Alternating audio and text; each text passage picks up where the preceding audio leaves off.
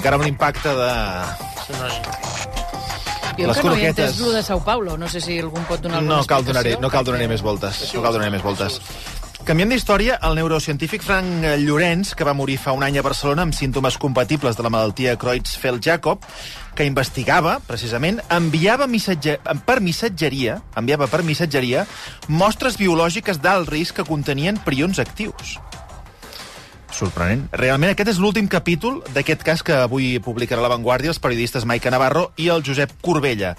Precisament per parlar de les novetats d'aquest cas, que en aquest programa seguim atentament, ja ens acompanya el, el Josep Corbella. Josep, bona tarda. Molt bona tarda. Que ara et deia, micròfon tancat, eh, com heu avançat des del primer dia que vam explicar aquesta notícia, que vam llegir a la premsa, aquesta mort per aquesta contaminació, les conseqüències d'aquesta contaminació, i com heu anat estirant el fil que avui expliqueu que aquestes mostres, que una de les preguntes que més recordo que feia el senyor Marcelí, de bueno, això d'on venia, ja tenim resposta d'on venien. Sí, eh, la veritat és que és un trencaclosques incomplet. Uh, hi ha moltes persones que en saben coses, hi ha moltes persones reticents a parlar, Uh, I llavors anem preguntant, anem a persones de diferents àmbits, a persones de l'àmbit dels, dels investigadors afectats, a persones de l'IDIVELL, a persones de la Universitat de Barcelona, uh, i anem doncs, posant peces en aquest trencaclosques que cada cop està més complet, tot i que encara no està acabat. Fem un resum ràpid per la gent que potser avui ens escolta per primera vegada parlant d'aquest cas. Uh, Josep, el fas tu, el resum. Resum ràpid, molt bé.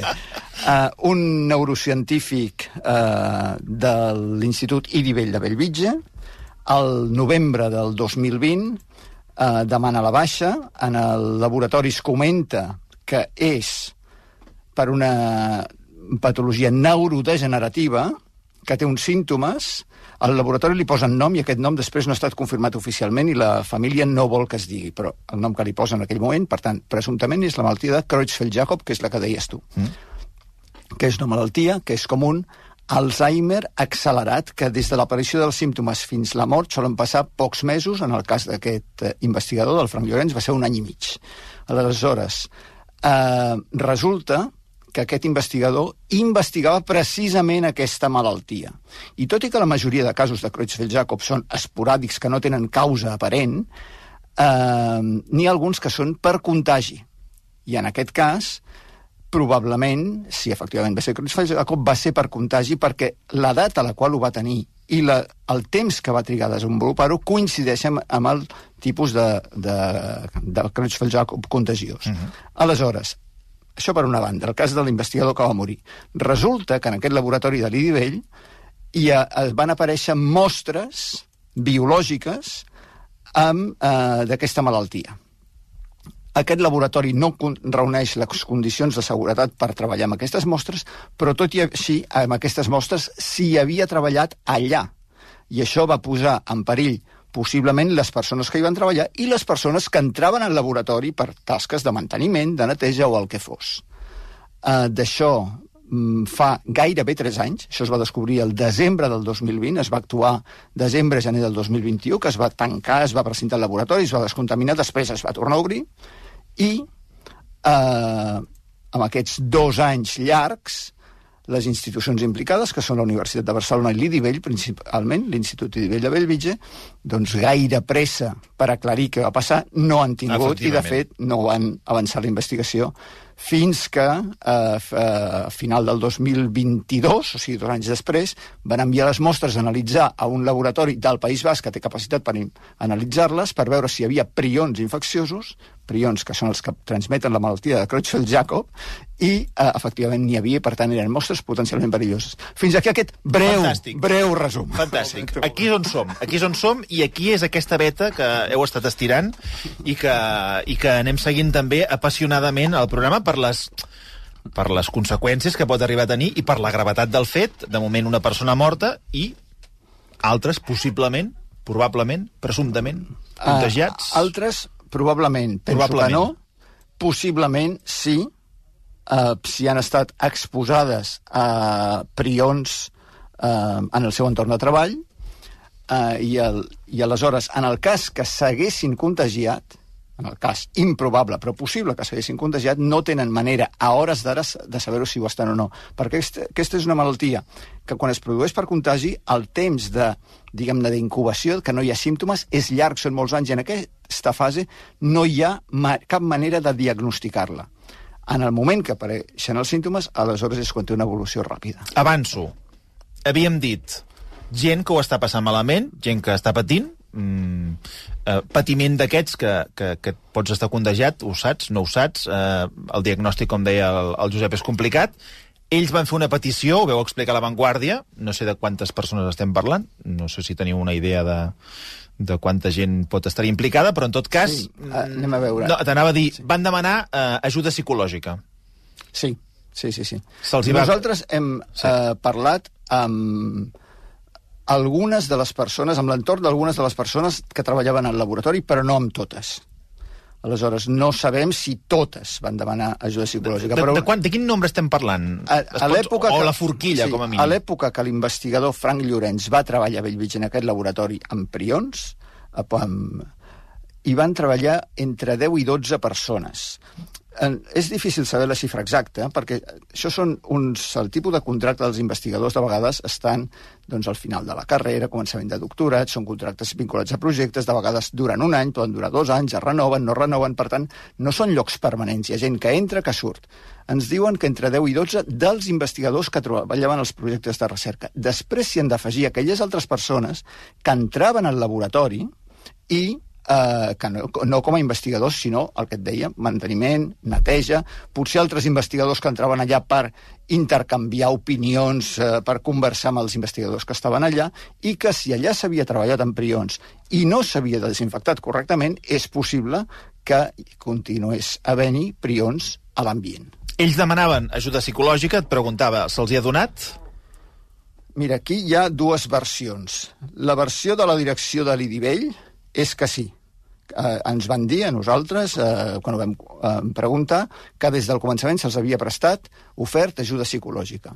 La versió dels investigadors amb qui hem contactat és que no, és que no els van donar ajuda psicològica, van insistir molt per aconseguir-la i, segons ens han dit, eh, al final els van pagar 10 sessions de psicoteràpia i prou, i ara continuen alguns d'ells amb ajuda psicològica, però que s'ho han de cobrir ells mateixos. Per tant, aquí tenim dues versions diferents. Eh, realment, eh, nosaltres no tenim, eh, la Maica Navarro i jo, amb els, a hores d'ara, manera de saber quin dels dos eh, diu la veritat i quin no. Tenim sospites, però no, però no. En aquest cas és paraula de l'uns contra la, la dels altres. El tema que ens ocupa avui. Anem eh, trencant una miqueta les peces i posar-les en el trencaclosques. Eh, les mostres, que era una cosa que no en teníem. D'on venien, com és que mostres perilloses, de cop i volta, apareixien en el laboratori, d'on, si eren d'allà, venien de fora, si eren de fora, com les portaven. Això ja ho sabeu. Ho sabem per algunes mostres, però no, no ho sabem per totes. Uh, aquest investigador, Frank Llorenç, tenia una doble afiliació, que es diu, que és que treballava en dos llocs simultàniament, mm. cosa que és habitual en la comunitat científica. Sí. Tenia el lloc a l'IDIBEL, Institut de Recerca de Bellvitge, i el, un lloc a la Universitat de Göttingen, a Alemanya, on havia estat del 2013 al 2018 i va continuar després del 2018, quan, a més a més, va començar a treballar a l'IDIBEL. Aleshores, ell, des de quan estava a Göttingen, pel que ens han explicat persones que treballaven amb ell en aquest laboratori, quan estava a Göttingen, agafava mostres, les posava en un... les, les empaquetava i se les enviava a ell mateix per missatger, de manera que ell era el remitent des d'Alemanya i el receptor a Bellvitge. O sigui, ell a veure, perquè clar, això és ja eh, l última. O sigui, ella, aquestes mostres com ens ho hem d'imaginar? Com, com un paquet d'Amazon que ens arriba o com, com, com va això? Bé, aleshores, mostres biològiques... Sí? Uh... Perilloses? Sí, perilloses, sí, efectivament. Hi havia perillosos actius. Han d'anar en fred? Sí, han d'anar en fred per no fer-se malbé, efectivament. Um, la manera de transportar-les ha de ser per eh, evitar qualsevol risc de fuga, d'accident durant el transport. Aleshores, eh, hem estat mirant, eh, la Maica i jo, a La Vanguardia, quines són les normes de transport de substàncies biològiques potencialment perilloses. Eh, mm, hi ha, no hi ha no està legalment regulat. Hi ha unes bones pràctiques conegudes, hi ha unes recomanacions de la OMS, hi ha unes normes, les més estrictes de totes són de la IATA, l'Autoritat la, de Transport Aeri, que, Mm. que sí que està ben regulat, però bàsicament es resumeix en què um, s'ha de fer de manera que no hi hagi risc de fugues. Val. Es recomana, les normes de l'OMS, que hi hagi com a mínim tres embalatges, n'hi ha d'haver dos interns a prova de fugues, totalment estancs, i un d'extern, que és l'embolcall extern, que ha d'estar correctament etiquetat, indicant que hi ha mostra eh, biològica perillosa. Allò que veiem a un les pel·lícules, un adhesiu, un adhesiu. Sí, de manera Peligro. que qui, qui ho manipula sàpiga que allò és Oh, potencialment clar. perillós. Qui ho manipula vol A més dir, a en més, aquest cas, pues, Qui ho transporta. un qui ho transportista, transporta. un, un senyor de, de, de Seur o de, de qualsevol empresa. A, a més a més, es recomana eh, que les persones que s'encarreguen d'aquest transport doncs, estiguin formades en el transport de, de, de, de paquets eh, biològicament mm, potencialment perillosos, per saber que, com han d'actuar en cas que hi hagi algun accident, algun incident. Llavors, era així? Els paquets s'enviaven totes aquestes mesures que tu ens acabes d'explicar? Um, entenem que a partir del moment que no se sabia quan arribaven que allò tenia prions, um, ell no ho etiquetava.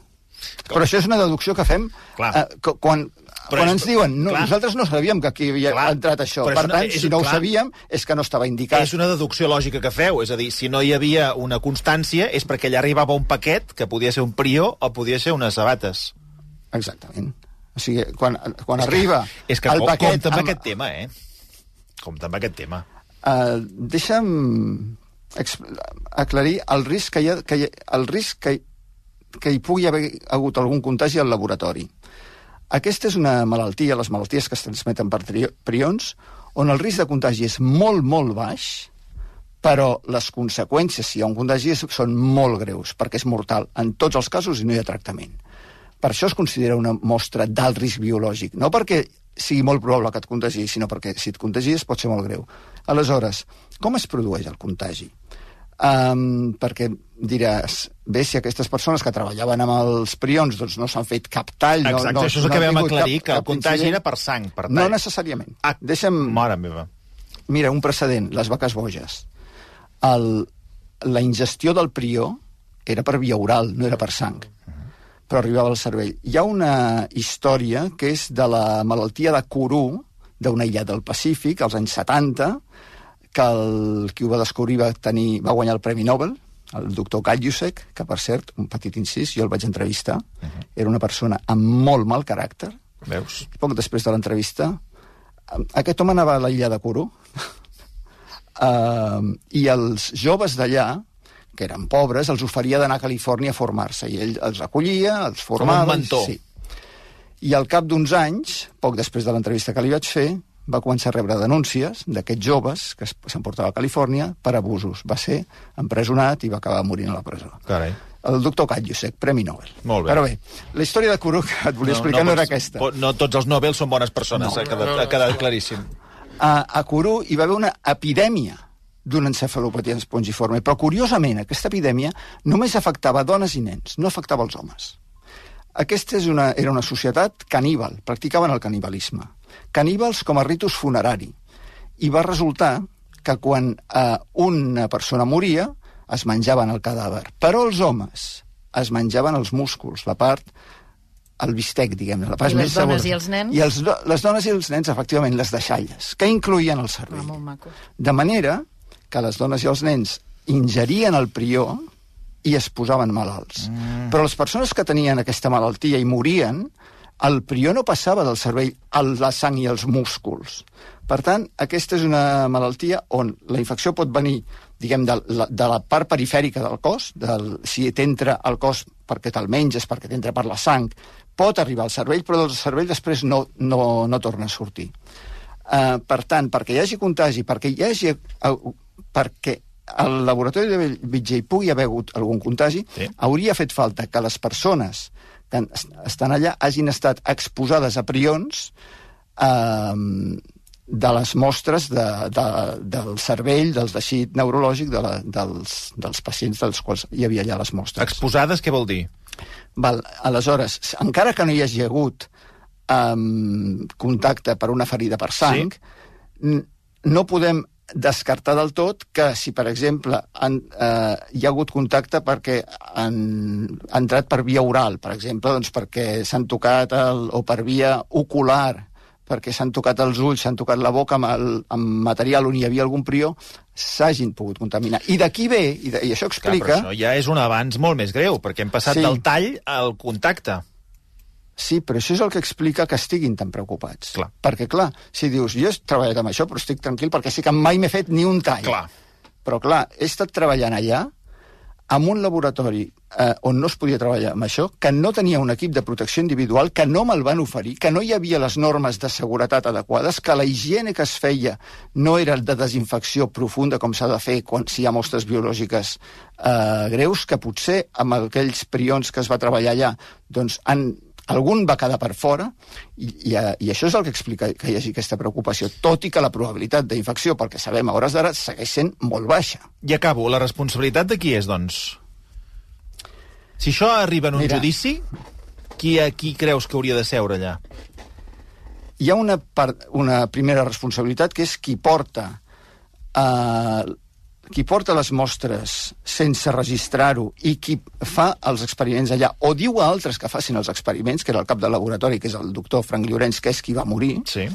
però després hi ha una segona responsabilitat que no està aclarida, que és, un cop això es descobreix, a finals del 2020, Uh, per què no s'actua abans? Per què no s'investiga ràpidament?